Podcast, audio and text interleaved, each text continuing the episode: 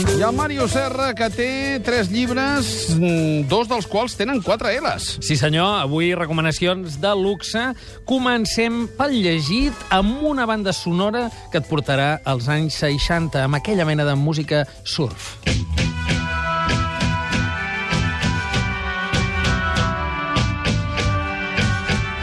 encara no arriba la música surf, eh? No, de moment sembla una copla. la processó de Setmana Santa, eh?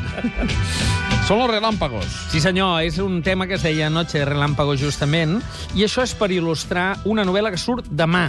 Uh, Relámpagos, de Jean Echenot, la traducció al castellà que publica Anagrama. De moment encara no hi ha una versió en català d'aquest nou Echenot, traducció de Javier Albinyana. Aquesta és... Uh, Jean Echenot és un novel·lista francès que té molts seguidors al nostre país uh, i ja fa un cert temps que fa aproximacions a personatges històrics, però des del seu punt de vista. Igual com va fer el Correr amb l'atleta Emil Zatopek o amb el Rebel, diguem, aquí, a Relámpagos, s'acosta a un paio molt interessant que és Nikola Tesla, un enginyer croat, que de fet va ser l'inventor de les primeres idees que després eh, li van robar tothom. Marconi la ràdio, Edison el, el, el corrent, etc. És a dir, un enginyer que va ser un visionari, però que després ell no persistia, no li importaven els calés, era molt maniàtic, era un personatge realment mm -hmm. eh, emigrat a Estats Units. No? Ho situa a Nova York, però ell passa, el transforma en un Gregor, com un Gregor Samsa, diguem, el, el situa a Nova York i assistim a la construcció d'un personatge en un món que és el de fa 100 anys, on tot s'estava per construir, el món elèctric que ara veiem. Descobrim, per exemple, com neix la cadira elèctrica, que neix d'un programa comercial contra el corrent altern. Eh, diguem, Edison suscita la cadira elèctrica per matar animals, animals, i al final busca a un eh, reclús que està condemnat a la pena de mort i que eh, s'ofereixi com a voluntari. I surt un boig i diu sí, sí, jo, tant per tant, si m'han de matar, que em matin i em posin amb una cadira elèctrica, de manera que és una novel·la eh, que et va eh, portant molt ambientalment cap a la barreja d'aïllament i mundanitat que tenia aquest personatge que feia demostracions públiques com si fos el mag Lari del moment, però amb electricitat, i després, en canvi, era un veritable solitari. Relàmpagos, eh, en la línia de les novel·les de Jean Echenot, sempre molt senyides, amb un estil molt eh, comprimit, però francament interessant, aquesta, aquest nou lliurament de Jean Echenot, de moment en castellà, anagrama. Mots clau? Electricitat, òbviament, però també màgia, aïllament, però també mundanitat, ambició i diner. I avui que et puc fer una cançó.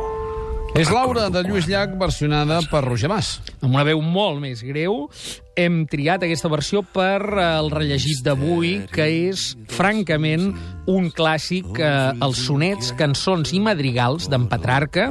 Això ho ha traduït, eh, ho va traduir als anys 50 Osval Cardona, i l'editorial Alfa recupera, és una part, diguem, substancial, però una part, no és complet, del cançoner petrarquià. Eh, aquí tenim el naixement dels millors sonets d'amor abans i després de la mort de Laura. Eh, hi ha un inici també, és una edició bilingüe, tenim l'italià i la versió catalana, i se'n situa aquest personatge que probablement no va existir tal com el coneixem, eh, i fins i tot s'especula que podia ser la mare de, de, de molts fills, una dona casada, que no s'assembla gens al perfil de l'enamorada que va arribar a construir Petrarca. Eh, Petrarca va ser un autor molt influent, eh, va influir, entre d'altres, en Ausiàs Marc i especialment a tota la forma poètica que gira al voltant del sonet. Hi ha qui diu que l'amor va ser una construcció d'aquests poetes, que l'amor ni existia ni ha existit mai, però van vindre aquests poetes i li van posar lletra.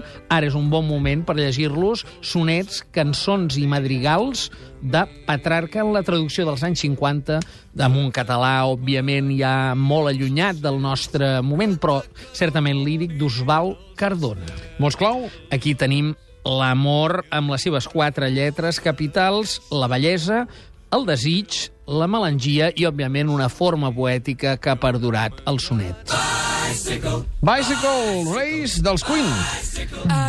Sí, senyor, acabem en bicicleta. Acabem rodant, és un llibre regal, un llibre commemoratiu, és un llibre que diu Volta a Catalunya 1911-2011, un segle d'esport i país.